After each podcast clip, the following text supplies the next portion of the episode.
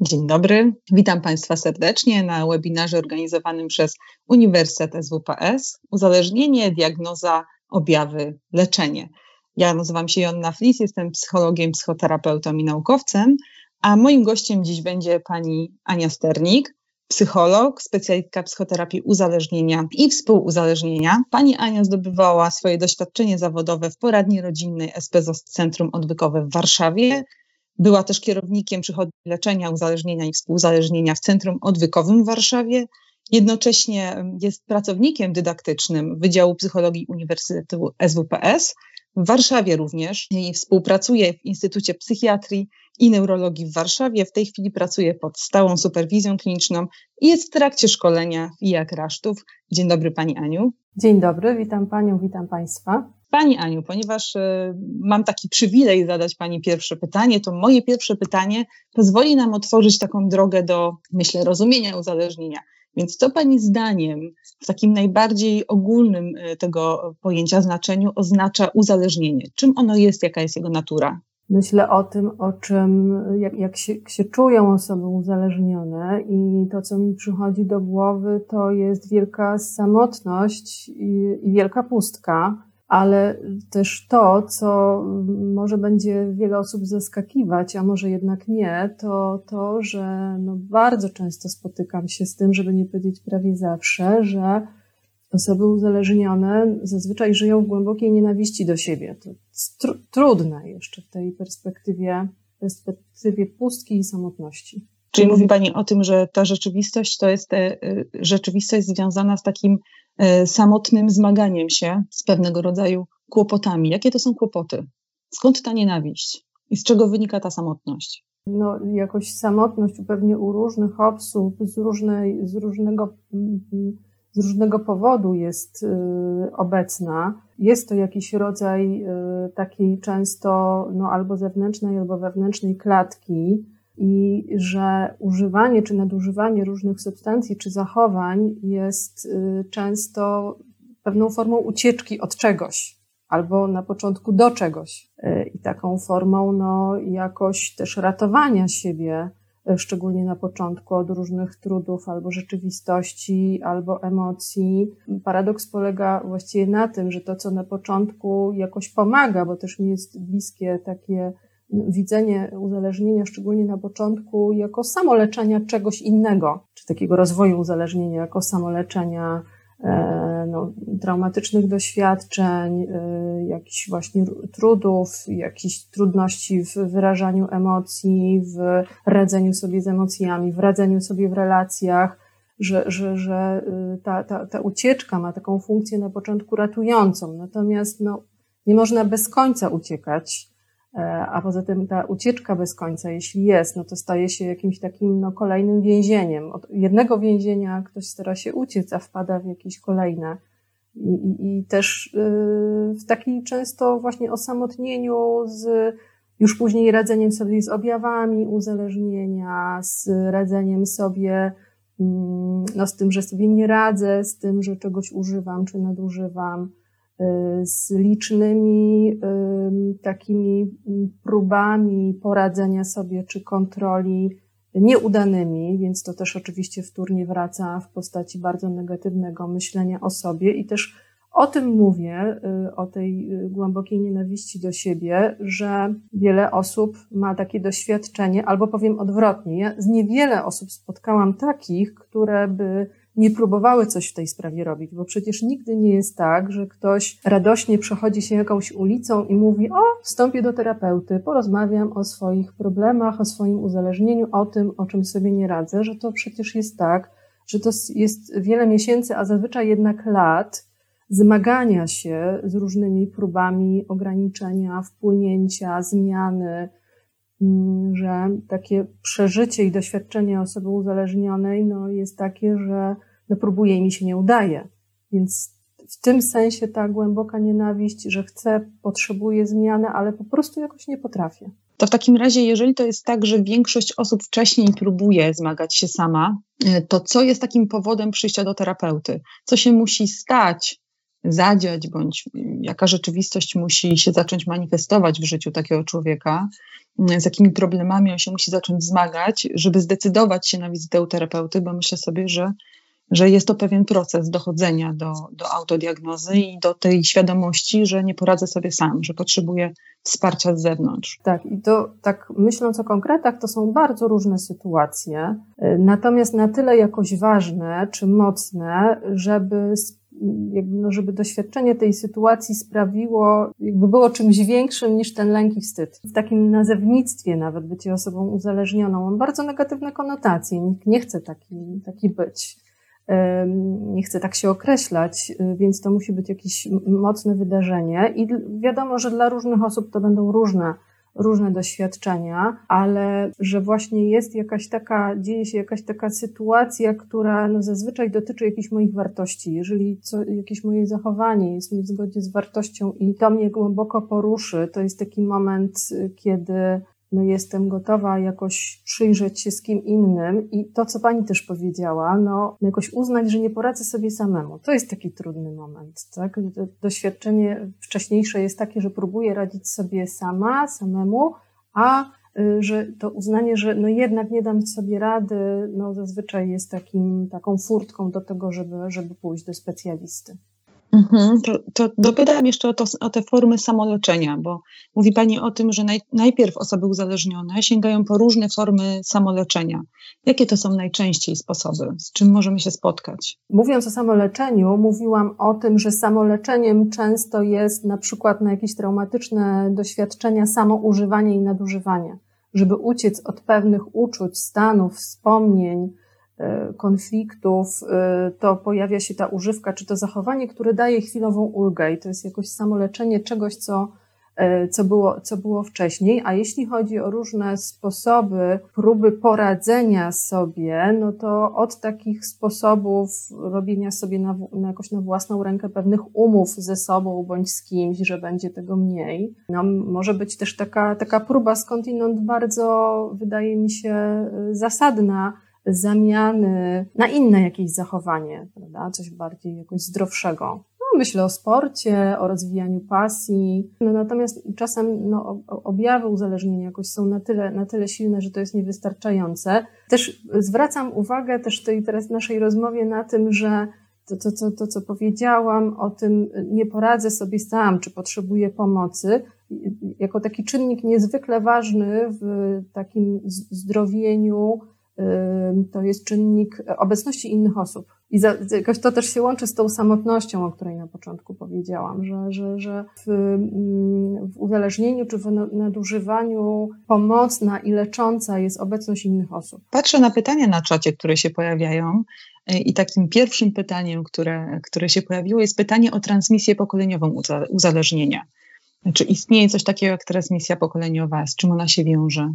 Ja bym rozumiała to w taki sposób, bo oczywiście obserwujemy to, że obserwuję w gabinecie, rozmawiając z pacjentami, że w większości osób gdzieś to uzależnienie w rodzinie się, rodzinie pierwotnej się pokazuje ale niekoniecznie i jakoś rozumiałabym to w taki sposób, no wpływu środowiska, prawda, że coś tam ci nasi rodzice nam pokazują, jakiś sposób radzenia sobie z napięciem czy z dyskomfortem pokazują, e, bądź czy wyposażają nas w takie umiejętności innego sposobu radzenia sobie z napięciem, jak właśnie, nie wiem, kontakt z innymi, sport, pasje, czy w ogóle w domu jest rozmowa na temat uczuć, na temat radzenia sobie z napięciem, więc w takim, w takim sensie, e, tak, tak bym powiedziała, no idzie to oczywiście w dwie strony, albo w powtarzanie czy odtwarzanie, albo w drugą stronę w taki no dom, czy takie życie w takiej totalnej abstynencji, co właściwie antywzór i wzór trochę to samo, ale też no, po prostu uczymy się od naszych rodziców tego, jak z różnymi sytuacjami sobie radzimy albo nie radzimy. Więc tak, w takim sensie tak to rozumiem. Czyli rozumiem, że chodzi o pewne takie kompetencje radzenia sobie z napięciem, z trudnymi sytuacjami, z wyzwaniami, z, z przezwyciężaniem pewnych kryzysów. E, tak. Czy to Pani ma na myśli? Tak. tak Okej, okay, to w takim razie, żeby rozjaśnić um, kwestię objawów uzależnienia, w jaki sposób ktoś może rozpoznać, że rzeczywiście to uzależnienie go dotyczy, a kiedy to jest ryzykowne picie, szkodliwe picie, bo mamy takie taką tak. nomenklaturę, która rozgranicza te dwa zjawiska. To może zacznę od picia szkodliwego, czy w ogóle szkodliwych zachowań różnych nałogowych. E, ono się charakteryzuje tym, że pojawiają się jakieś szkody, które ewidentnie można połączyć z jakimś nałogowym zachowaniem, E, a to nie sprawia, że dana osoba zmienia to zachowanie jakoś, nie wiem, ogranicza czy rezygnuje z tego zachowania. I tak patrząc w mm, objawy mm, ICD-10, które nas tutaj w Polsce i w Europie obowiązują, no to, to jest taka kategoria, która jest przed uzależnieniem, prawda?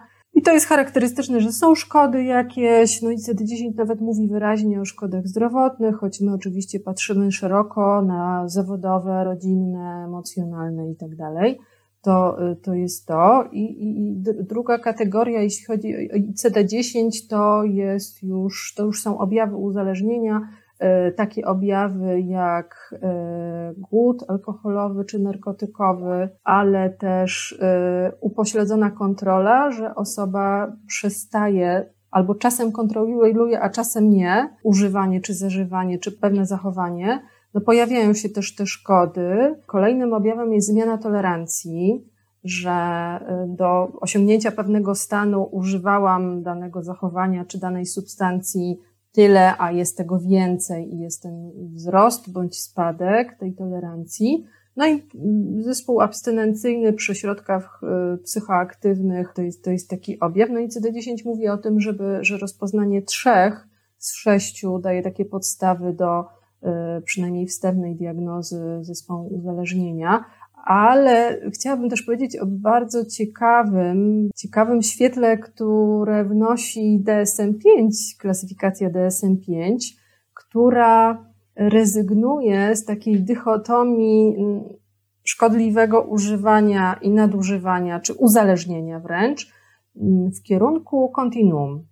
Takiego kontinuum, że to są mm, zaburzenia, natężenie zaburzeń związanych z używaniem na przykład alkoholu, e, i jakby obserwujemy, że znaczy ile, jest tych, ile jest objawów i takie jest natężenie zaburzeń. Od zaburzenia lekkiego, gdzie są, nie powiedziałam tego, w DSM-5 jest 11 objawów, 2-3 e, objawy to jest zaburzenie lekkie, 4-5 to jest średnie, a 6 i więcej to jest ciężkie. Zwyczajowo myślę o tym i mówię, że to jest rewolucja diagnostyczna, z tego powodu, że daje nam to możliwość odejścia od e, etykiety osoby uzależnionej, że to są zaburzenia związane z nadużywaniem i, i, myślę sobie, że to naprawdę może ułatwiać e, zgłaszanie się po pomoc, bo wiele osób nie zgłasza się po pomoc z tego powodu, że nie chce takiej etykiety alkoholika, narkomana, prawda, osoby uzależnionej.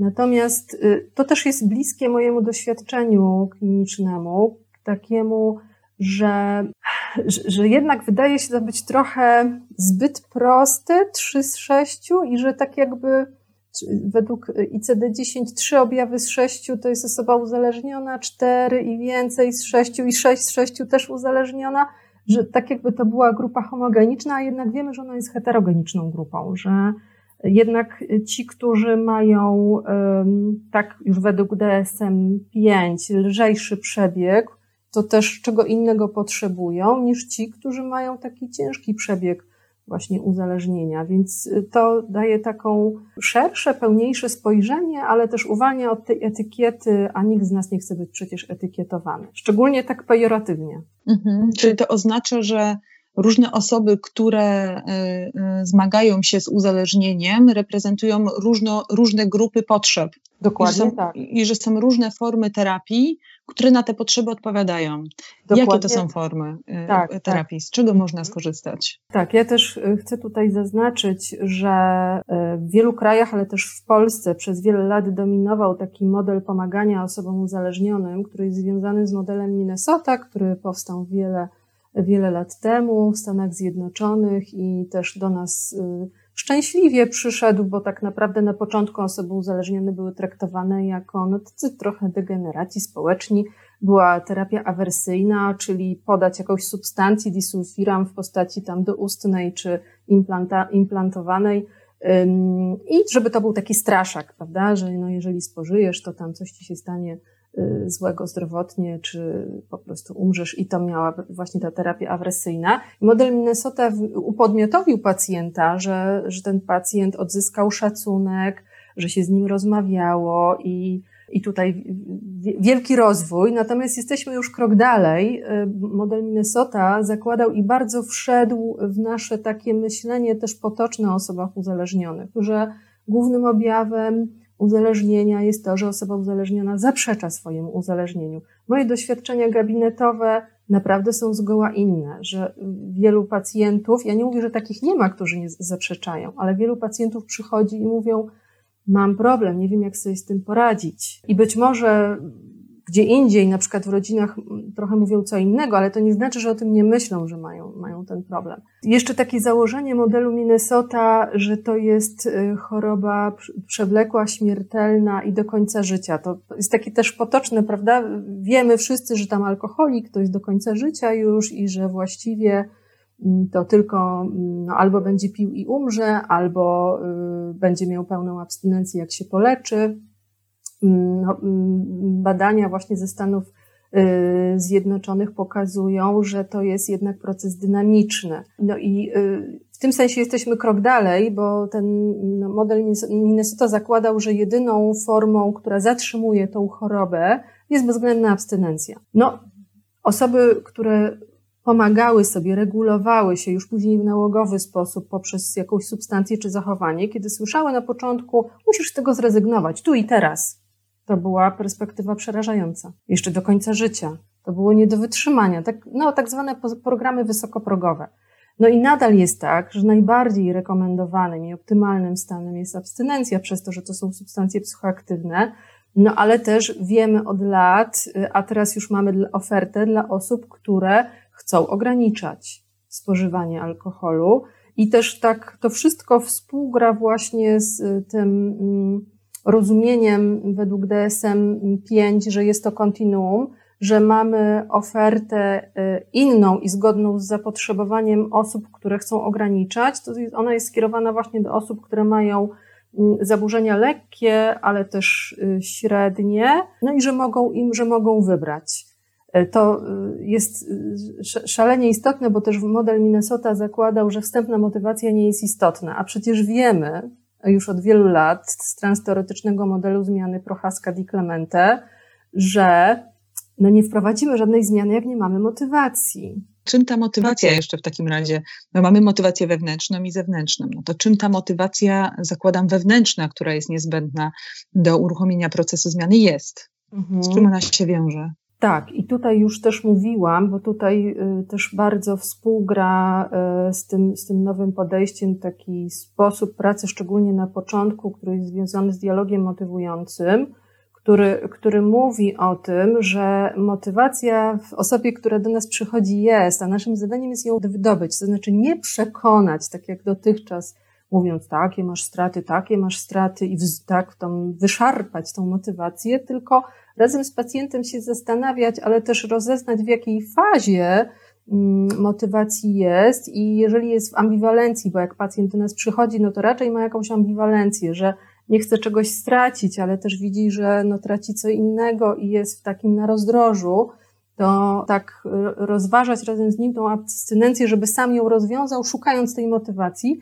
I moje doświadczenie, i też się tutaj posługuję, odnoszę się do doświadczeń y, z, z dialogu motywującego, to jest odniesienie do wartości. Mhm. Okej, okay, dobrze. No to w takim razie, Pani Aniu, jakie są sposoby, metody wyjścia z uzależnienia i połączę je z takim, mm, z kolejnymi pytaniami, czyli czy psychoterapia indywidualna, czy grupowa, czy grupy samopomocowe, jakby od czego zacząć, jak rozpocząć? Jakby dla każdego coś dobrego, czy co kto woli, czy co kto wybiera, ważne, żeby zacząć.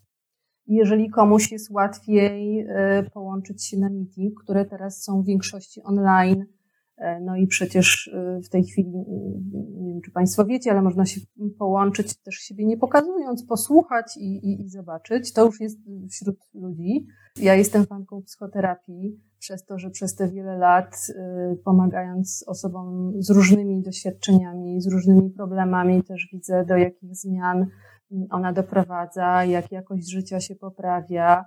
Y, choć y, jeżeli są tacy, którzy chodzą tylko na meetingi do grup samopomocowych i też korzystają i zmieniają swoje życie, to super też.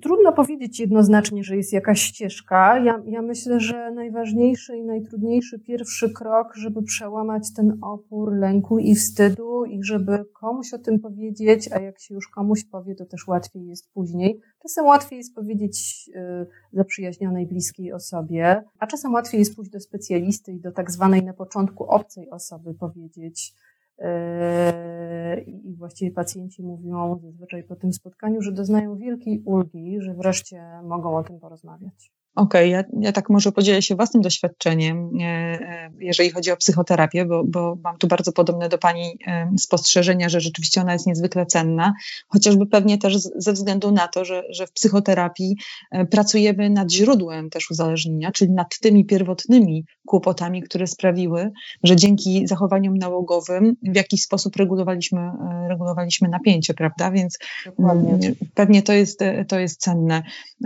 Odwołam się do kolejnego pytania pytania, dobrze? Czy można mieć jednocześnie terapię odwykową i zwykłą terapię, na przykład psychodynamiczną? Czy najpierw musi być odwyk, a dopiero potem e, terapia ogólna, tak? Czyli to, to co mówimy, praca nad problemami ogólnymi. Czy tu jest jakieś, mhm. jakieś różnica w Pani opinii? W ogóle w tej chwili jestem daleka od takich jednoznacznych odpowiedzi. Jakoś pewnie jakby lata temu mi pani zadała to pytanie, to bym powiedziała, że jest kolejność i że najpierw byłaby właśnie odwykowa, uzależnień, a później głębsza. Natomiast w tej chwili myślę o tym, że co komu bardziej po drodze, ważne, żeby się zgłosić, żeby sięgnąć po tę pomoc. Było pytanie a propos równocześnie, tutaj miałabym taki dylemat, y, no bo to jednak trochę jakby leczyło dwóch lekarzy, prawda, że że, że, że żeby, żeby nie było takiego efektu, że trochę mówi o tym tu, trochę tu, nie, oczywiście nie zatajając, ale że też terapeuta nie ma pełnego obrazu, że raczej bym powiedziała do jednego specjalisty. Nie wiem, jakie Pani doświadczenia są, ale moje takie, że czasem dość często psychoterapeuci ogólni bez tej specjalizacji boją się osób uzależnionych, czy znaczy w takim sensie, że jakoś nie czują takich kompetencji. No, tak trochę jakoś się właśnie obawiając. E, więc e, tak trudno odpowiedzieć. No, e, no tak, co, co komu pomaga? Jeżeli komuś łatwiej byłoby pójść po prostu na terapię odwykową najpierw, a później psychoterapię, no to, to pewnie, ale też myślę sobie, że jest pewną wartością być w po prostu psychoterapii u jednego specjalisty, który też no jest w stanie na początku w sprawie tych nałogo, w sprawach tych nałogowych objawów pomóc, prawda? Bo tak jak Pani powiedziała, że, że my szukamy źródeł i że to jest y, taki mm, centralny punkt pracy, jak każdej psychoterapii, jakkolwiek, no na początku trochę musimy opanować te objawy, dać pewne narzędzia, do radzenia sobie chociażby z głodem, jakoś przyjrzeć się tej właśnie kontroli. E, też mamy teraz tą bogatszą ofertę, że wcześniej model Minnesota i tylko abstynencja i wiele osób dlatego nie przychodziło albo mówiło właśnie, że ja nie chcę tego celu. Ja sobie nie wyobrażam do końca życia, nie. A teraz szczęśliwie mamy programy ograniczania picia, e, które dla tych osób z, lżejszym zaburzeniem, z lżejszym natężeniem, no dają to, o co im chodzi, i to jest poszerzenie oferty, więc naprawdę bardzo duże bogactwo. E, taka ciekawa sprawa, powiem Państwu, że jak ktoś przychodzi do mnie i właśnie pyta o ten program, a to się dość często zdarza, to od razu po pierwszej sesji umawiam się, proszę osobę, żeby e, do następnej sesji, bo tak są takie sesje diagnostyczno-konsultacyjne, mm, po prostu ta osoba zapisywała spożywany alkohol. Jest na początku trochę konsternacji, no dobrze. Padają pytania, czy to ma być ograniczenie. Mówię, nie, nie, proszę tylko zapisać ten spożyty alkohol. I mm, ciekawe jest to, że część osób już od razu się orientuje, a część przychodzi na kolejną sesję i mówi, jest tego o połowę mniej. Samo zapisywanie, odnotowywanie, no sprawia, że już e, ograniczenie mniej więcej o połowę następuje. I to, to jest ciekawe. A druga ciekawa rzecz jest taka, i to mnie absolutnie przekonuje do tego, żeby mm, jakoś dawać, decydować, a nie arbitralnie stwierdzać, co dla kogo jest najlepsze, że znaczna część osób, które korzystają z programu ograniczania picia, bo on wcale nie jest taki prosty, łatwy i przyjemny, y, sama w trakcie podejmuje decyzję o tym, że to oni właściwie to już wolą w ogóle nie spożywać, niż albo się tak męczyć, albo że to jest trudne, albo też weryfikują to, że naprawdę jakoś nie dadzą rady ograniczać, że jednak takim łatwiejszym ograniczaniem często się okazuje jest ta abstynencja, ale to już jest wtedy własna decyzja i już nie jest to takie jakoś przerażające czy straszne. To może warto tutaj wspomnieć o, o, o aplikacji, którą e, skonstruowała PARPA, która tak. służy właśnie e, wprowadzaniu programu ograniczonego picia. Może mogłaby Pani kilka tak. słów tak, aplikacja nazywa się e-POP, jak programy ograniczenia picia. E, I ona jest do samodzielnego stosowania dla osób, które chciałyby ograniczać, a teraz dużo robimy przy, przy użyciu aplikacji, prawda? A to staramy się regularnie trenować, a to mm, ograniczać y, dietę, y, ograniczać kalorie. Aplikacja może wspomagać proces y, psychoterapeutyczny, ale też można właśnie samodzielnie ją stosować. Tam na początku też są takie kwestionariusze, które się wypełnia również w gabinecie przy tej decyzji o e, wejściu w ten program, bo on, to też jest tak, że no nie dla każdego on jest e, skierowany i tak też no, odnosząc się do badań, oszacowany jest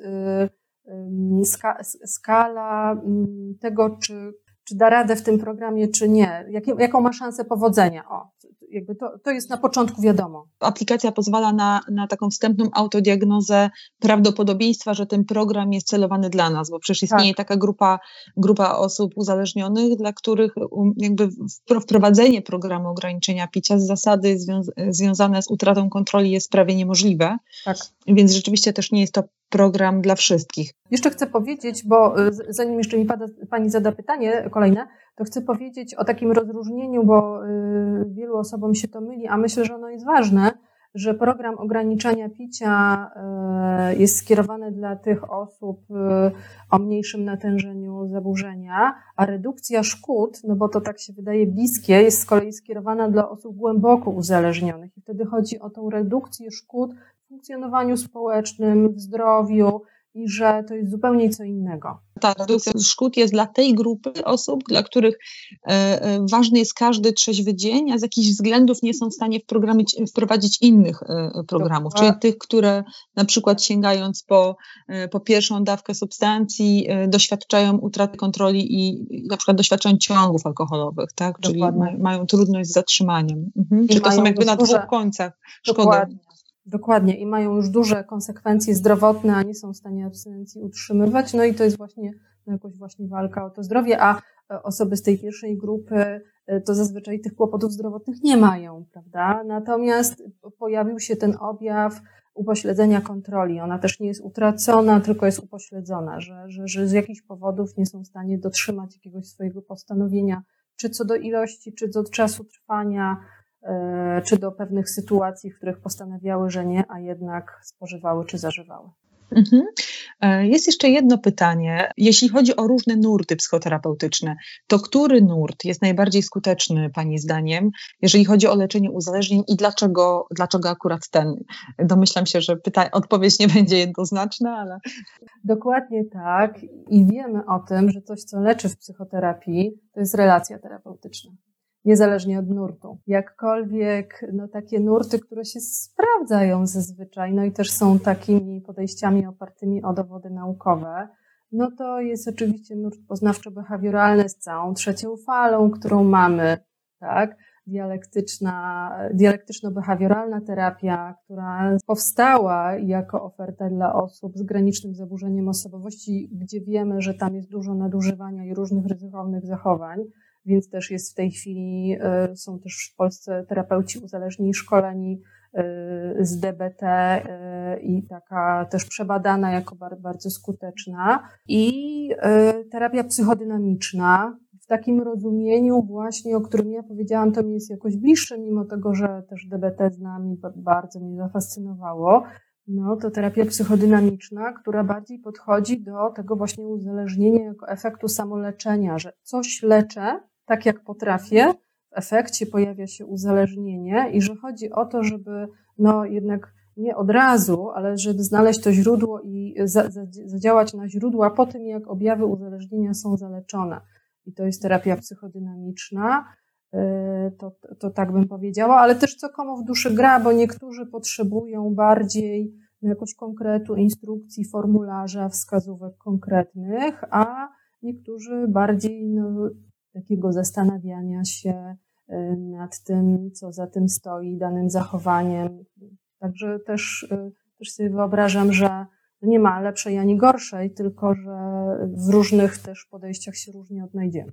Też pewnie jest tak, że osoby, które y, doświadczają przez wiele lat uzależnienia i wielu szkód, w dużym stopniu często potrzebują takiego podejścia, w którym też z tymi szkodami mogą się w jakiś sposób zmierzyć i, i, i, często pewnie e, z tym dojmującym poczuciem winy i wstydu jest to nieodłączny element.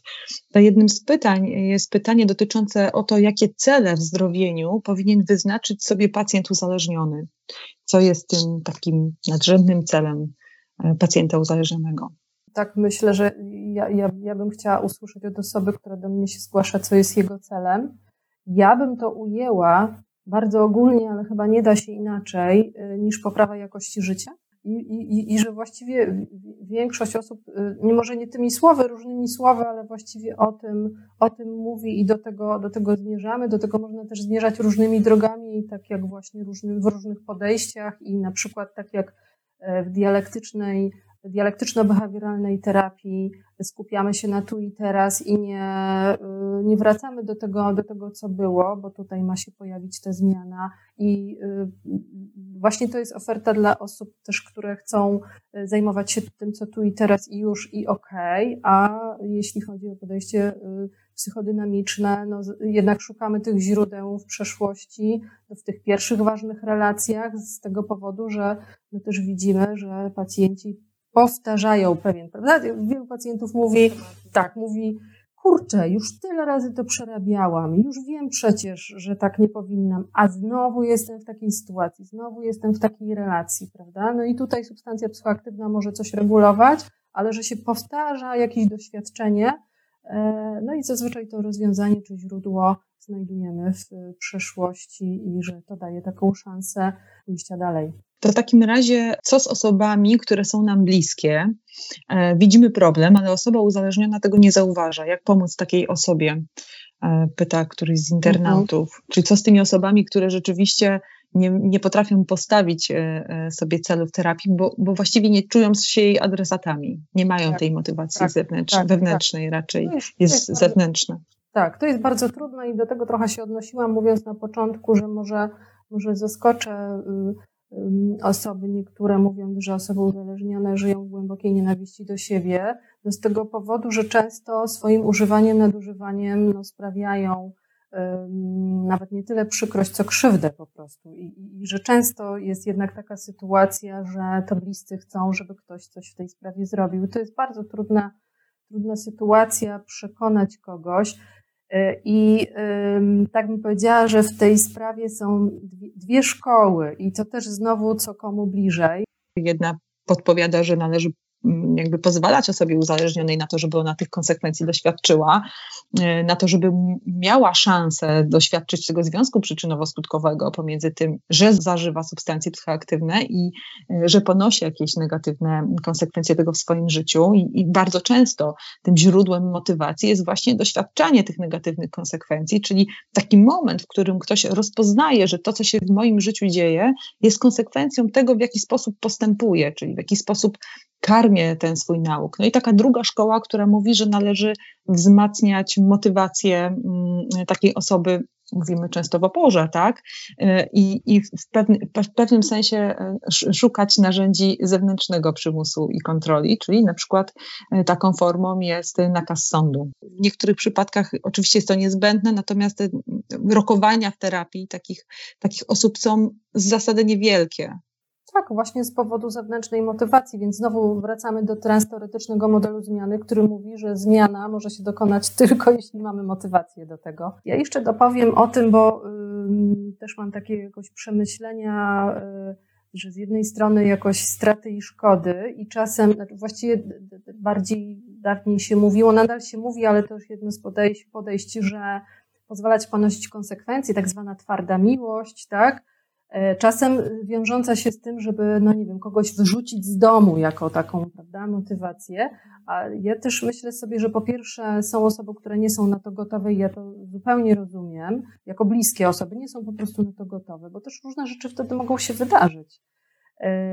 To też myślę o takim, takim byciu z osobą, która nadużywa, nie zrywaniu kontaktu, byciu w relacji, ale też stawianiu granic takich, że na pewnych rzeczy się nie zgadzam, w takim sensie nie będę cię wyciągać, nie będę ci pomagać, ale na przykład jeżeli będziesz chciał się zmienić, chciała się zmieniać, jestem, pomogę, będę jakoś, przy... znaczy w sensie, że nadal podtrzymuję kontakt, rozmawiam, relacje, ale też się nie zgadzam na pewne, na pewne rzeczy, sytuacje, nie pomagam, nie ratuję, nie wyratowuję, ale nie zrywam relacji. Mhm, czyli to pozwala być e, takim mhm. osobom współuzależnionym gdzieś blisko swojego systemu wartości, w których pojawia tak. się miłość, szacunek, tak? tak? potrzeba e, godnego zachowania i okazywania, okazywania uczuć, a jednocześnie ochrony siebie, tak. ochrony własnych granic, nie ponoszenia tak. konsekwencji za zachowanie osoby uzależnionej. Bardzo się cieszę, że Pani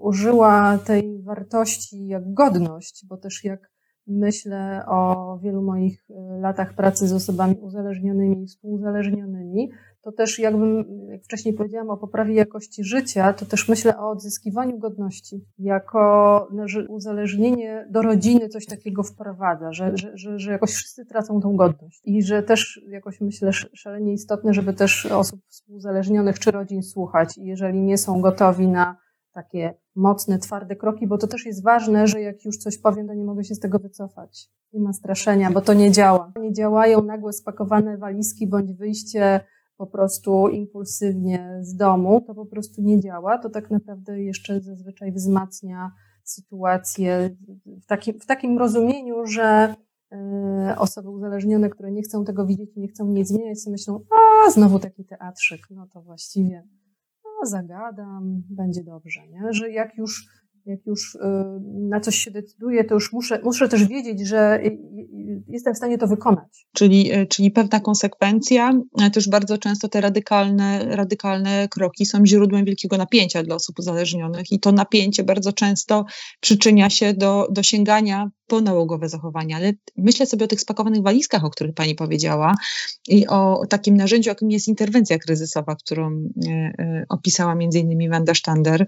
Co tak. Pani myśli, bo, bo, jest takie narzędzie, tak, w jest. którym uczestniczy terapeuta i cała rodzina i, i, i, może mogłaby Pani trochę o tym narzędziu opowiedzieć, tak swojej, ze swojej perspektywy, czy ono rzeczywiście jest skuteczne, jeżeli jest, no to, no to mhm. kiedy, to jakie warunki muszą być spełnione, żeby ono spełniło tą swoją funkcję? Tak, to jest interwencja, to jest ta, ta interwencja o, opisana przez Wandę wiele lat temu, jest specyficzną formą rozmowy tak naprawdę. To tak mocno brzmi interwencja, ale ona polega na rozmowie kilku osób, od trzech do pięciu, z osobą nadużywającą, bo ja też sama staram się rezygnować z jakiej określeń uzależnioną, nadużywającą, której warunkiem jest życzliwość i trzymanie się faktów, że to nie ma być kolejna awantura, tylko rozmowa, gdzie te trzy, czy pięć, czy cztery osoby mówią o konkretnych sytuacjach, w których uczestniczyły, w jaki sposób zachowała się osoba nadużywająca i y, jak to też y, przeżywały, z taką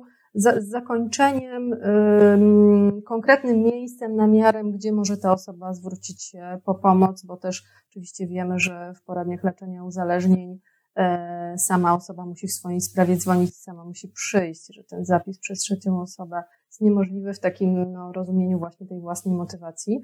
Ja myślę sobie, że y, to jest o tyle takie wnoszące narzędzie, że zazwyczaj wywołuje w ogóle zmianę systemową, że jak osoby się do niej przygotowują, bo warto się przygotowywać u terapeuty, to trochę odzyskują mocy, poczucia wpływu, że coś się da zrobić, no, takie statystyki, spotkałam się z takimi optymistycznymi statystykami, że bodajże 8 na 10 jest skutecznych. Nie wiem, czy tak, Jakkolwiek kilka razy, już właściwie dawno temu, zdarzało mi się y, nie uczestniczyć, ale przygotowywać osobę bądź rodzinę, bo wtedy, no wtedy pytam, kto może wziąć udział, że to muszą być konkretne osoby, czy te osoby widziały, były w jakichś sytuacjach, żeby te osoby były z różnych kręgów, na przykład ktoś z rodziny, ale też ktoś z jakiejś sfery zawodowej, prawda, z różnych obszarów, no i ona jest w taki sposób rozumiana, że to jest taki no, trochę atak na mechanizmy obronne minimalizacji, racjonalizacji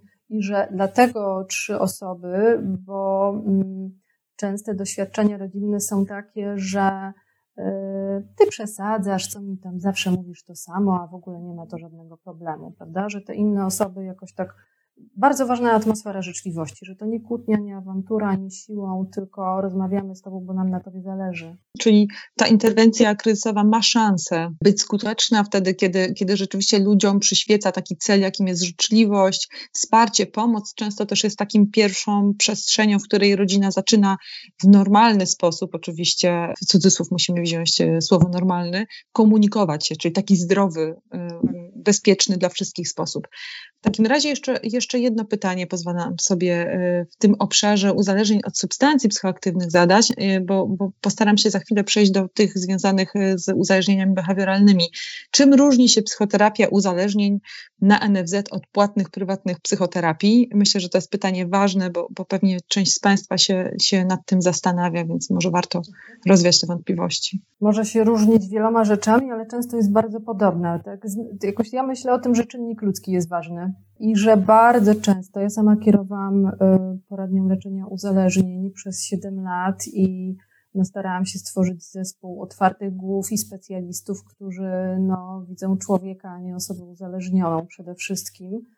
Y, I żeby ten program był jakoś, ja myślę o takiej dostępności, to jest bardzo ważne, że, że jak już osoba nadużywająca dojrzeje w sobie do takiej decyzji, to żeby do, żeby, żeby dostała szybki termin konsultacji i szybką terapię. Niestety y, to jakby kij zawsze ma dwa końce i jeżeli jest szybki termin, jest szybka terapia, to my akurat rozwiązywaliśmy tam w tamtej poradni y, w grupach półotwartych, to znaczy, że można było szybko kogoś dołączyć, no ale też, że one nie były cały czas stałe, tylko że ktoś dołączał, a ktoś kończył, takie rotacyjne, prawda? No i to też ma swoje minusy, no bo w grupie takiej stałej, no to wiadomo, że jakoś bardziej się otwieramy, jest większa intymność, poczucie bezpieczeństwa, ale to zawsze jest coś za coś. Także jest bardzo dużo bardzo dobrych ośrodków finansowanych z Narodowego Funduszu Zdrowia. No często też one oferują y, terapię uzależnienia bez psychoterapii, więc bez tych źródeł, więc to też jest jakaś opcja na przykład, żeby zacząć y, w oparciu o NFZ, a później kontynuować na przykład psychoterapię, jeżeli ktoś też będzie miał taką gotowość i, i, i, wolę ku temu. Ale też w drugą stronę czasem się mówi o tym, że lepiej iść do poradni, która jest finansowana z NFZ-u, bo prywatnie to tylko wyciągają kasę. No to znowu czynnik ludzki, że jest bardzo dużo prywatnych ośrodków, y, y, terapeutów, którzy się szkolą, którzy też są otwarci na, na te nowe podejścia, na nowe badania, na nowe informacje to tak strasznie trudno powiedzieć, że coś jest lepsze albo coś gorsze. Też myślę sobie, że, że warto wiedzieć o tym, że e, nie każdy rodzaj uzależnienia, przechodząc do uzależnień behawioralnych, jest leczenie jego jest refundowane przez Narodowy Fundusz Zdrowia.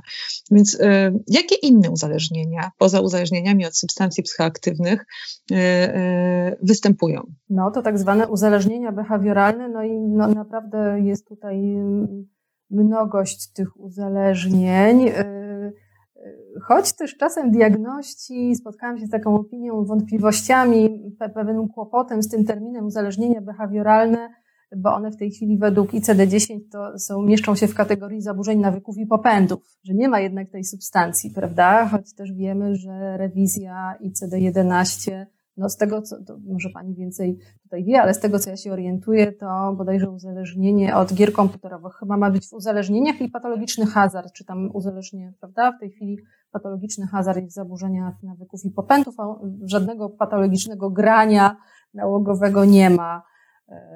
Więc to, to, to, to tak, no to myślę sobie, no ja akurat y, dość dużo, y, takich właściwie wiele doświadczeń, bo kierowałam poradnią, gdzie akurat była w populacji pacjentów spora podgrupa mm, osób hazardujących się, więc to też takie, takie uzależnienie behawioralne, które nie jest dość e, dobrze znane, ale też, też e, no, osoby tak zwane uzależnione od seksu, ja wolę określenie hiperseksualne, gdzie, gdzie na tym gruncie seksualności te różne nałogowe zachowania się manifestują. I to też jest taka grupa, która no, jest bardzo różnorodna. Ona znowu nie jest homogeniczna, tylko heterogeniczna bo to jest y, pornografia w internecie, bo to są y, przypadkowe kontakty seksualne, więc naprawdę to jest masturbacja w taki nałogowy sposób, więc y, naprawdę jest tutaj tak jakby szeroko i trudno mówić bardzo ogólnie, prawda?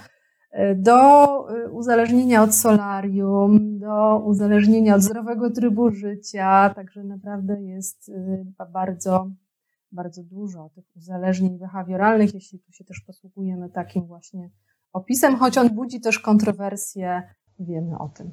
Mhm.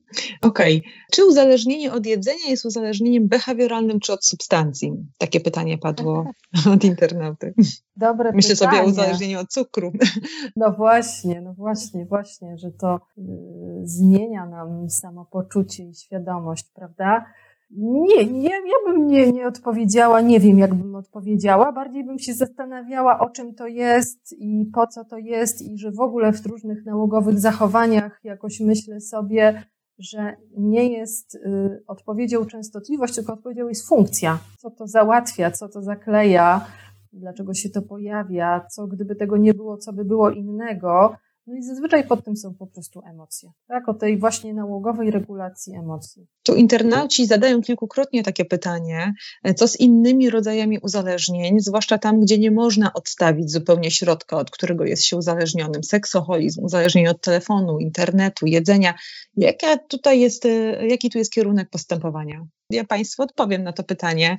Te uzależnienia, które, które dotyczą zachowań, e, które stanowią część naszego życia i nie jesteśmy w stanie wprowadzić e, całkowitej abstynencji, ale też nie istnieją wtedy programy e, ograniczenia szkodliwego picia, na przykład programy wprowadzania sposobów tak, na, na zażywanie tej substancji psychoaktywnej. To są takie uzależnienia, których najczęściej pracuje się metodą wskaźników, czyli opracowujemy sobie taki model E, sięgania po te zachowania i takie narzędzia sięgania po te zachowania, które pozwalają nam ograniczać negatywne konsekwencje, tak? czyli dzięki którym jesteśmy w stanie sięgać na przykład po, po, po internet, co ma miejsce w e-uzależnieniach, sięgać po, po gry komputerowe, sięgać na przykład po media społecznościowe, ale nie w sposób, który przynosi nam negatywne konsekwencje, więc to się klasyfikuje do, do psychoterapii uzależnień, natomiast kierunkiem pracy jest raczej wybudowanie takiej świadomości sięgania po tego typu zachowania,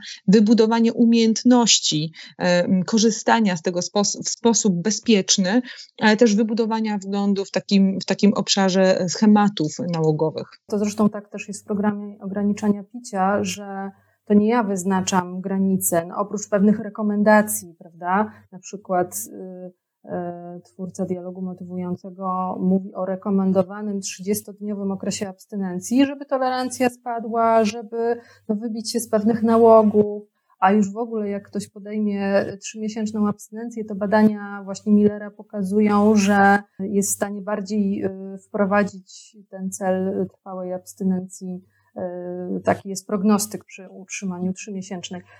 No ale y, to, to, to, to y, punktem odniesienia są y, limity WHO-skie porcji standardowych dla kobiet, dla mężczyzn, natomiast to sam pacjent decyduje, jak chce ograniczać, w jaki sposób. Oczywiście w odniesieniu do tego i jest też taka rekomendacja, żeby były przynajmniej dwa dni przerwy.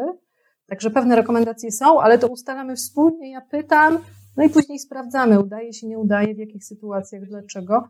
No i myślę o właśnie o tych zachowaniach, czy no, to, właśnie jak Pani powiedziała, że nie jesteśmy w stanie nie jeść, mm, czy nie uprawiać seksu, y, to o mm, no, pewnych limitach, warunkach i o tym, co w tym pomaga, ale też widzeniu o tym, że jak, no, jak przez jakiś czas tego nie ma, to co to zesłania, co nam się pojawia, e, więc no, tworzymy taki, taki kontekst limitów, których dana osoba może i chce się trzymać. I też co, co w zamian, bo to też jak zrezygnujemy z zachowania nałogowego, to się pojawia puste miejsce, pusta przestrzeń. Nie tylko emocje, ale też co zrobić z tym, z tym czasem, z tymi myślami, z tymi uczuciami. No i też zawsze szukamy, oczywiście, to jest też bardzo ważne, że elementem programu ograniczenia picia jest y, samo nagradzanie. Wiecie Państwo i wie Pani, jakie to jest trudne? Jak pytam o własne nagrody, pustka w głowie. Co by to mogło być? I to też ważny, ważny element y, bardzo często powrotu do pasji, że to nie jest tak, że ktoś tego nie ma, tylko albo y, poszukania tego w marzeniach, prawda, o czym zawsze ktoś marzył. I to są takie też, y, no, że pojawia się ta przestrzeń, którą też trzeba czymś zapełnić. To trochę tak jak przy e-uzależnieniach, gdzie, gdzie wprowadzamy detoks cyfrowy, który trwa dokładnie od 4 do 6 tygodni, bo, bo też badania pokazują, że takie zmiany na poziomie neurologicznym, tak, które się pojawiają na poziomie naszego mózgu, e, one się mają szansę, szansę cofnąć, czyli jakby ten szlak dopaminergiczny ma szansę się w pewnym sensie uzdrowić albo zaleczyć wtedy, kiedy ten detoks wprowadzamy. Natomiast rzeczywiście pacjenci, z którymi ja pracuję i którzy są w trakcie tego detoksu cyfrowego i uczą się wprowadzać później zasady higieny cyfrowej, ale w trakcie cierpią na doświadczenie monotonii, nudy, bez sensu. To jest jeszcze o tyle trudne, że, że część z tych osób to tak zwani tubylcy sieci, którzy właściwie nie mają do czego wrócić, bo nigdy tych pasji nie mieli, więc, więc to szalenie istotne, że te marzenia mogą się pojawiać na przykład do, dopiero na tym etapie E, detoksu cyfrowego. Więc tutaj jakoś bardzo blisko, nie? jeżeli chodzi tak. o internet i, i, bardzo blisko, jeżeli chodzi o inne uzależnienia behawioralne. Tak, ale też to, co Pani powiedziała, to, to też bardzo ciekawe, jak te w tej chwili szybkie cyfrowe czasy sprawiają, że my się nie nudzimy. Jak to też ważne, żeby dać naszym dzieciom, naszej młodzieży szansę na to, że trochę się ponudzili i że nie muszą mieć cały czas stymulacji. E, pani powiedziała właśnie, że pojawia się ta pustka, ta nuda, prawda? I taka ona jest nie do zniesienia, ale że tak naprawdę wtedy pojawia się przestrzeń na to, żeby no, pojawiło się, no właśnie, przestrzeń na marzenia i na to, co, czym można wypełniać tą pustkę, czy tą przestrzeń. Tak, rzeczywiście, dokładnie to tak jest. Też, też rzeczywiście pacjenci w, de, w, trakcie detoksu cyfrowego doświadczają takiej niecierpliwości w obcowaniu, na przykład ze światem e, przyrody, tak, który jest zdecydowanie mniej stymulujący, wymaga pewnej refleksyjności, też, też ta postawa wyna, wy, wymaga od nas pewnej takiej e, zdolności do eksplorowania rzeczywistości, która nas otacza, ale też do takiej spontaniczności, tak, w poszukiwaniu źródeł satysfakcji, więc to mhm. zmienia perspektywę. E, skieruję się tu w kierunku pytań. Dobrze. Czy uzależnienie od jedzenia ma takie, takie same źródła i dynamikę jak inne uzależnienia? Czy leczenie wygląda podobnie? Tutaj e, takie pytanie wygląda. To, czy to jest taka sama dynamika i czy, czy leczenie rzeczywiście wygląda bardzo podobnie jak? To, to ja jakoś znowu zawrócę do tego, że, y, że jakoś nie, nie, nie, nie myślę o jedzeniu jako o uzależnieniu, ale o jakiejś właśnie nałogowości, więc no nie oczywiście objawy uzależnienia, więc jakieś... Jakichś kompulsywnych yy, zachowań. Jakiś sposób radzenia sobie pewnie z jakimś napięciem albo pustką i tak naprawdę pytanie, co za tym stoi i w tym sensie może być podobne do, do, do takiej pracy, że szukamy tego, co stoi za, za tym, no, na przykład objadaniem się, jeżeli tak można byłoby to zobaczyć y, i może być podobne, ale no też każdy no jakoś za tym objawem, jakim jest nałogowość czy uzależnienie, no, no ma trochę co innego i w takim, no można na to spojrzeć, no jakoś rozumieniu traumatycznych doświadczeń, to różne traumy. Może być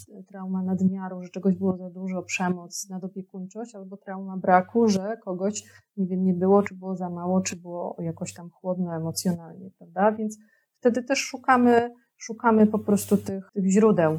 I tak jeszcze, jeszcze pomyślałam, bo może ma Pani tam jeszcze jakieś pytania, ale może to też byłoby ciekawe, no żeby wrócić do tego właściwie sprzed lat, ale jak wymownego mm, eksperymentu y, z parkiem dla szczurów profesora y, Brusa Aleksandra, który który badając uzależnienia, też tak obserwując taką, taką no, hipote- znaczy taką obserwację właśnie miał, że jednak żołnierze wracający z tego, co pamiętam, z Wietnamu, gdzie substancje psychoaktywne były im podawane, no jedni po prostu wracali, zaprzesta- zaprzestali nadużywania czy używania, a inni nie i że to było takie, takie ciekawe.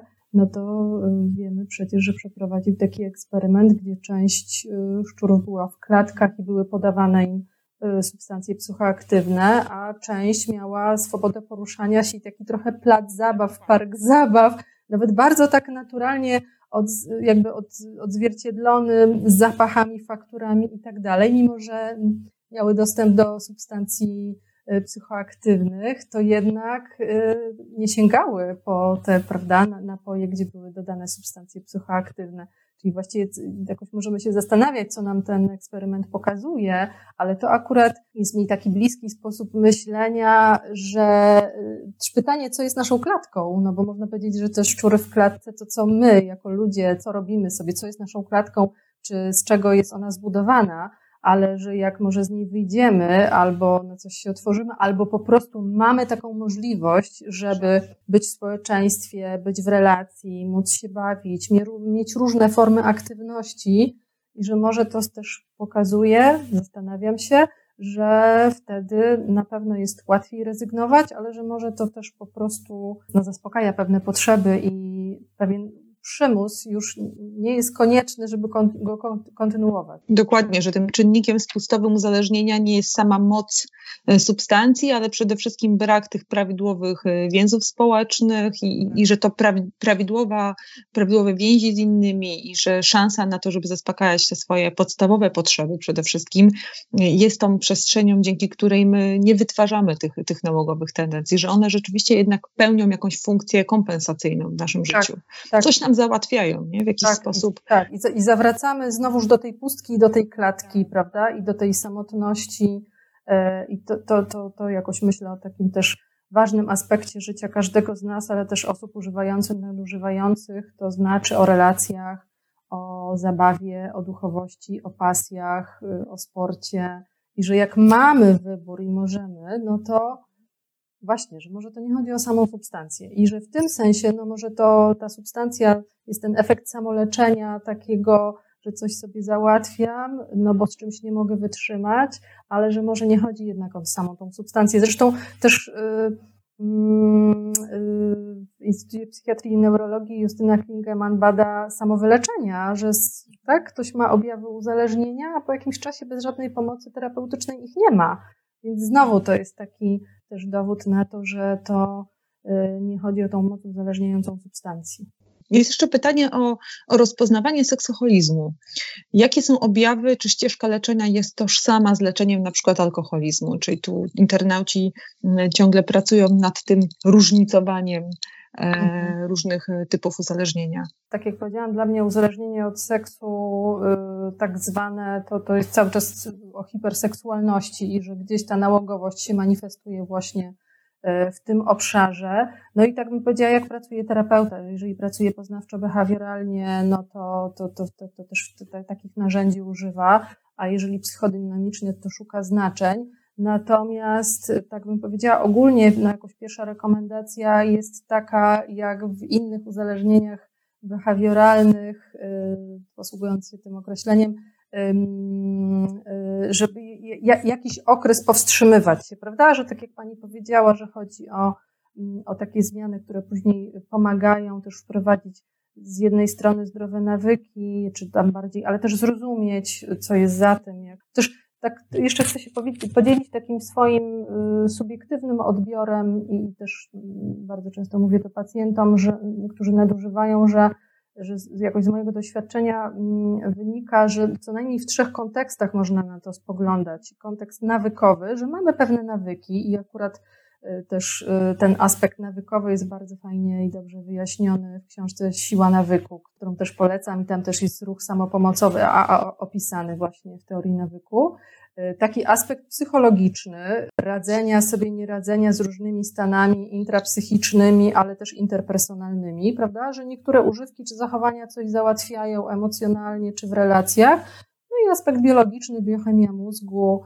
E, każdy w czymś tam się odnajduje bardziej albo we wszystkim. I to też e, myślę sobie, że wielu osobom jakoś pomaga zobaczyć, że w tym no bo sama nazwa odwyk, czyli ktoś nawykł, czyli musi odwyknąć, prawda? No właśnie, ale, ale jest ten aspekt nawykowy, naprawdę, że jeżeli przez wiele lat wieczór był dla mnie związany, nie wiem, z lampką, dwoma, później trzema wina, no to ten wieczór mi się kojarzy. Albo z tą lodówką na przykład. Wracam z pracy, prawda, i tam cyk na przykład. I że to jest taki aspekt nawykowy. Ja uważam, że jakoś nie należy go pomijać, tylko też uwzględnić i że tak wielopłaszczyznowo rozumieć y, i myśleć o różnych nałogowych zachowaniach.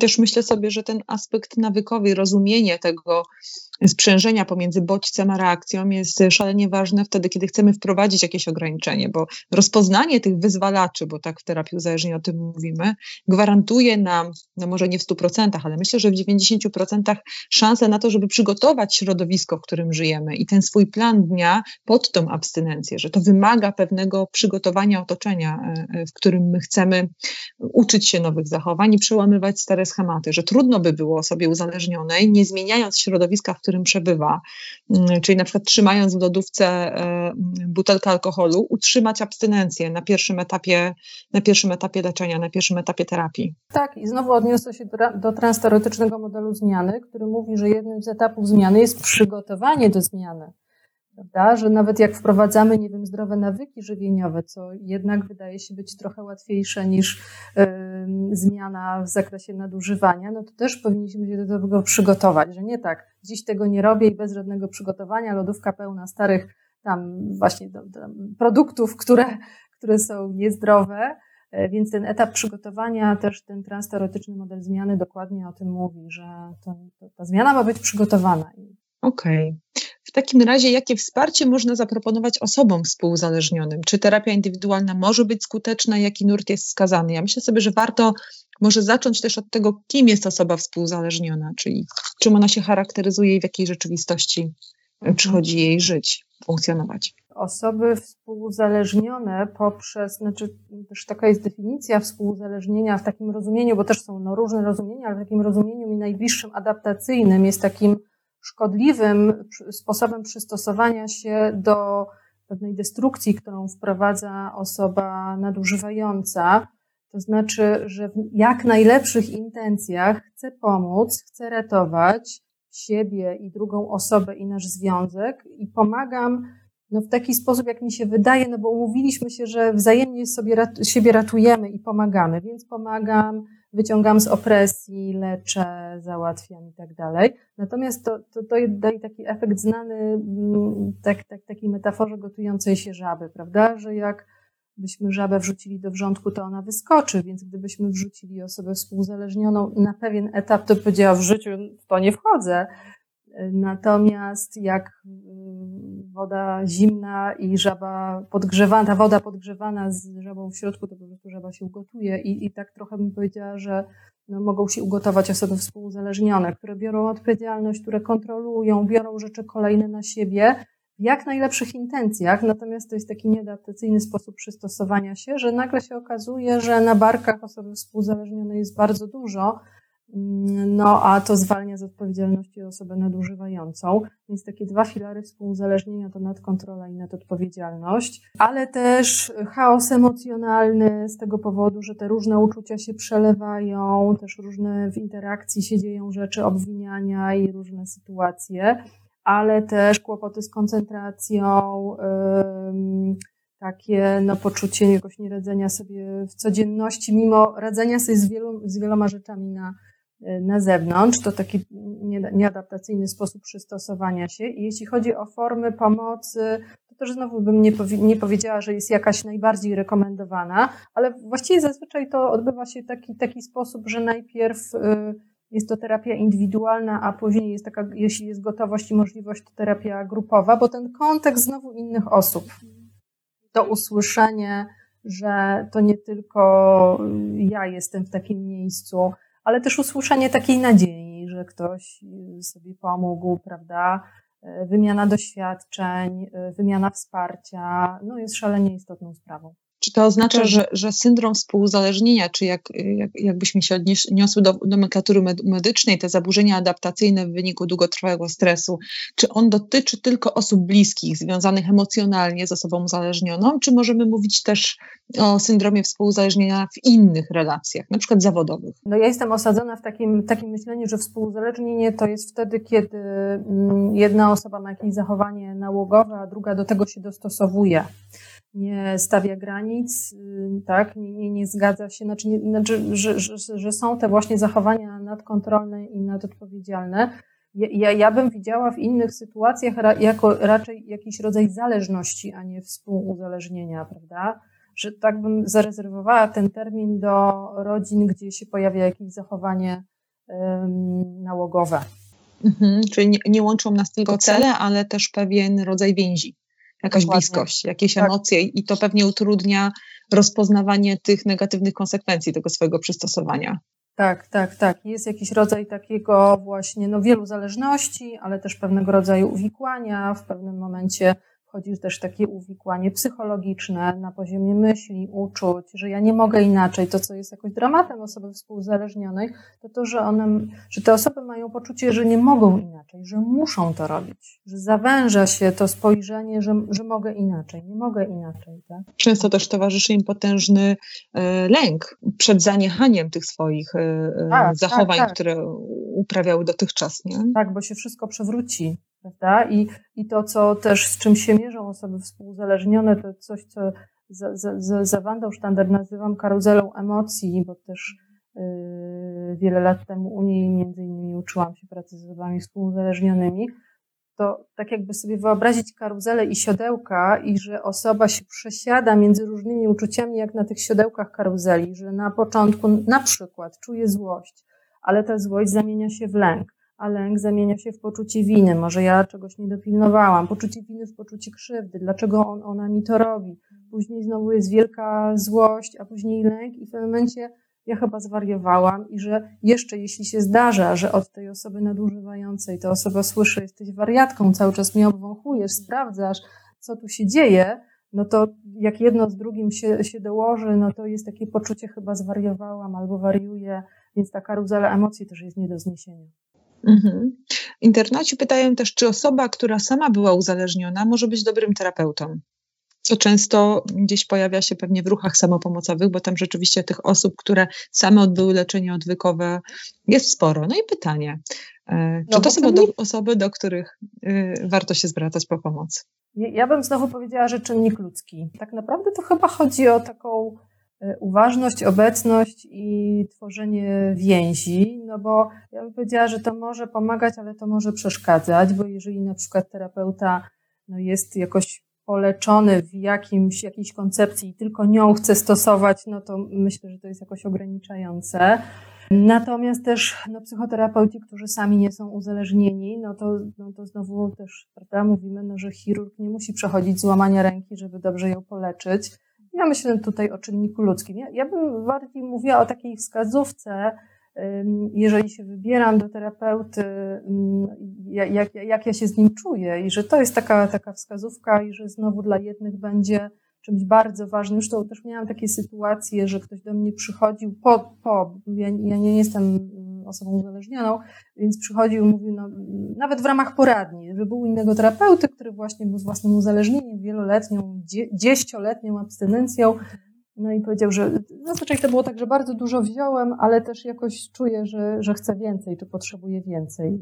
Że na przykład taka była sytuacja, ale też spotykałam się z tym, że ktoś mówił mi, że pani nie ma własnych doświadczeń, to, to właściwie ja wolę do kogo innego i zgoda, co, co, co komu pomaga, nie ma jednego rozwiązania. Czyli tak naprawdę najważniejszy jest ten czynnik y, przymierza terapeutycznego, wtedy kiedy tak. rzeczywiście pacjent wierzy, że, że ten terapeuta jest tą osobą, która, która może mu towarzyszyć i może mu też pomóc, ale też czuje zrozumienie, pewnie akceptację. Myślę sobie, że to jest związane też z tym poczuciem y, wstydu i naruszeniem godności osobistej. Pewnie, pewnie też z tego powodu wielu osobom uzależnionym uzależnionym gdzieś na początku drogi jest bliżej do grup samopomocowych, na przykład, na przykład grup AA, bo tam rzeczywiście mogą ten wstyd zostawić za drzwiami, ponieważ ta rzeczywistość dotyczy większości uczestników. I powiem o jeszcze jednym doświadczeniu, o którym mówią pacjenci po pierwszym meetingu, czyli po pierwszym spotkaniu w grupie samopomocowej, o wielkiej nadziei, którą dostają. Mhm. To jest coś takiego niesamowitego, z takich właśnie doświadczeń i że można być z innymi i słuchać czyjejś historii i słuchać o sobie. I słuchać czyjejś historii, y, kiedy ktoś mówi, miałem taki tak, a jestem już też w takim miejscu i jest to możliwe. Czyli rozpoznawać siebie w innym. Ktoś tu pyta, jak nakłonić dziecko do pójścia na, na terapię, kiedy w jego mniemaniu narkotyki są czymś super, ale przy tym niszczy sobie życie, a my stajemy się współuzależnieni. Tam, e, to, to jest rzeczywistość e, wielu rodziców. Bardzo trudna sytuacja, szczególnie, że no jeżeli mówimy o dwóch dorosłych osobach, to przynajmniej teoretycznie te osoby mogą w każdym momencie się rozstać, prawda? A jeżeli mówimy jeszcze o relacji E, z dzieckiem, no to, to, to, to oczywiście, że, że, że tak nie jest. I znowu, co na, to, co, co, na co kto jest gotowy. Niektórzy na tak zwaną twardą miłość, choć mi akurat zawsze mówię o tym, że każdy decyduje sam, ale mi jest bliskie takie, no jednak w terapii czymś, co leczy, to relacja terapeutyczna i jakoś odnosząc się do tego eksperymentu, który, który przywołałam, myślę o takiej no, sile bliskości i że to jest bardzo trudne dla rodziców do jakoś, myślę, pomieszczenia i wytrzymania, no ale też z pewnymi granicami i zasadami, że to nie jest tak, że rób co, robisz co zechcesz, tak? Um, ale też myślę sobie, że to może być za trudne i nawet czasem może szkodliwe utrata kontaktu, czy jakieś odsunięcie się. Myślę o takiej obecności, ale też z pewnymi warunkami. Z pewnymi warunkami. Okej. Okay. E, po czym rozpoznać zatem, że to dobry moment na zakończenie terapii uzależnień? Co byłoby tym sygnałem? Mhm. Dobre pytanie. Poprawa jakości życia? Trochę w odwołaniu do, do tych celów, które, które pacjent rozpoczynając terapię wyznacza sobie sam. Dlatego one są mhm. też tak szalenie ważne, żeby móc później się do nich to jest w ogóle odwołać. Takie, tak, ciekawe pytanie pod tym względem, że u wielu osób jest taki lęk przed zakończeniem terapii. Czy sobie poradzę, że jednak terapeuta czy psychoterapia jest trochę taką trzecią nogą, takim stałym punktem, taką relacją, w której czuję się rozumiana, rozumiany. I powiem Państwu i Pani, że niejednokrotnie obserwuję taki efekt, gdzie już zbliża się zakończenie, że, że pacjenci mm, mają nawrót objawów. Nawet nie uzależnienia, ale jakieś takie pogorszenie.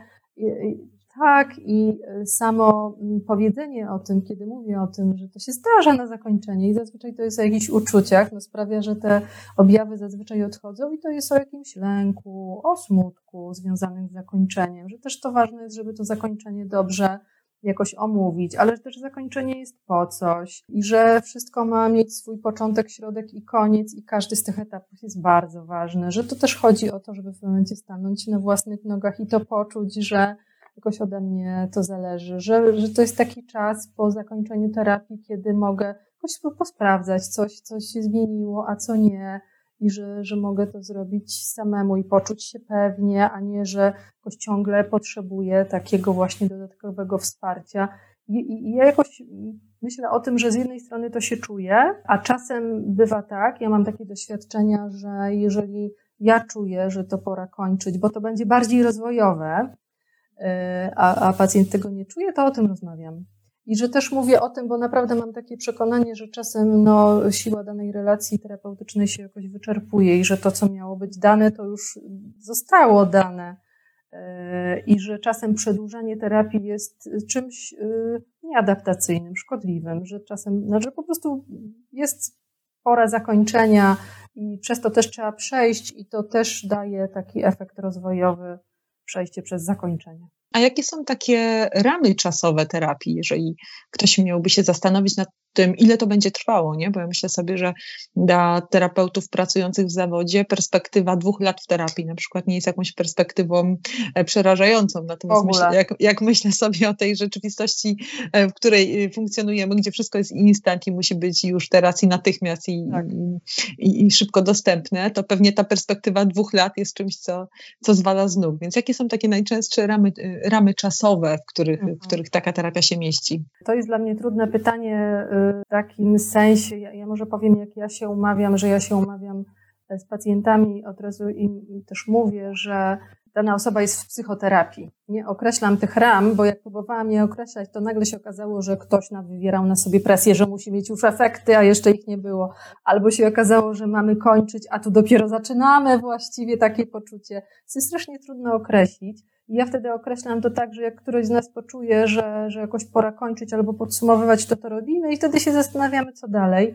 Y, I wielu osobom daje to taką właśnie ulgę, a komu innemu niepewność, że nie wiadomo, ile to będzie trwało, ale tak jakby już mia, jakby miała powiedzieć jakiś konkret, to tylko powiem, że odniosę się do, do doświadczeń z lecznictwa odwykowego opartego na NFZ, że to zazwyczaj jest około dwa lata, tak jak pani powiedziała, ale też wielu pacjentów mówią, mówi o tym, że, że jakoś mają poczucie, że dopiero zaczynają się je poznawać, że nie chodzi o to, że mają zaleczone objawy, ale że zaczynają się je poznawać i dopiero się sobą zaciekawili. Ostatnie pytanie.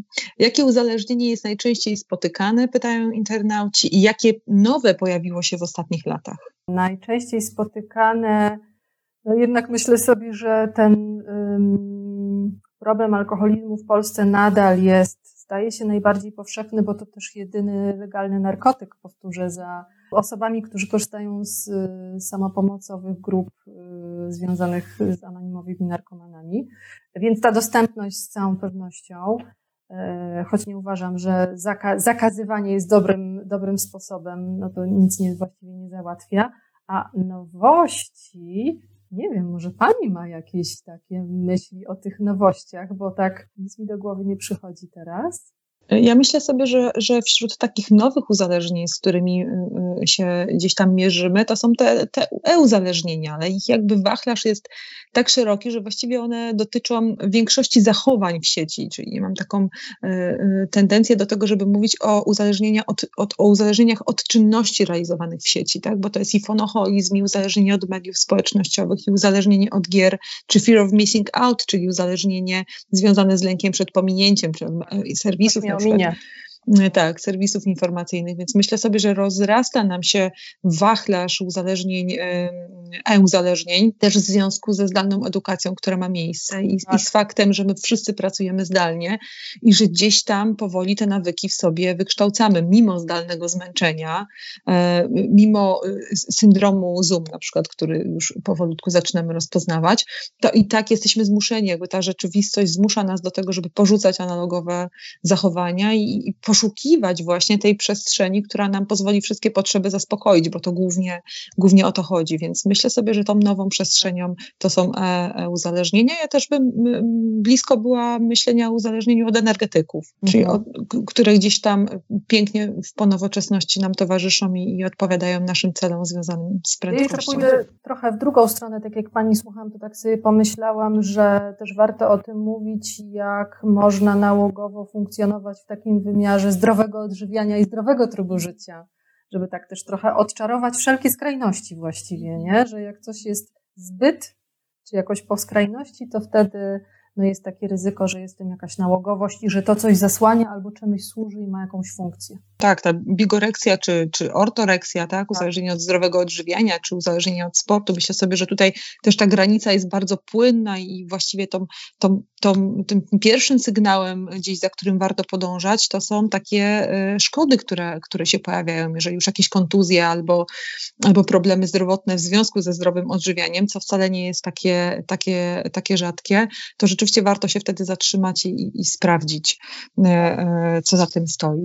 No dobrze, to coś, czy chciałaby Pani, Pani Aniu, coś na koniec do naszych y, internautów od siebie? To co, to, co, to, co myślę, że chciałabym powiedzieć, to, że jeżeli ktoś ma jakieś zawahanie, to jakoś tak y, zapraszam do spróbowania i do, do tego, żeby do specjalisty się zgłosić i sprawdzić po prostu i że naprawdę nie warto być z taką tematyką, z takim problemem samemu i że ta obecność drugiej osoby, która y, no, jest tylko dla nas, no po prostu leczy.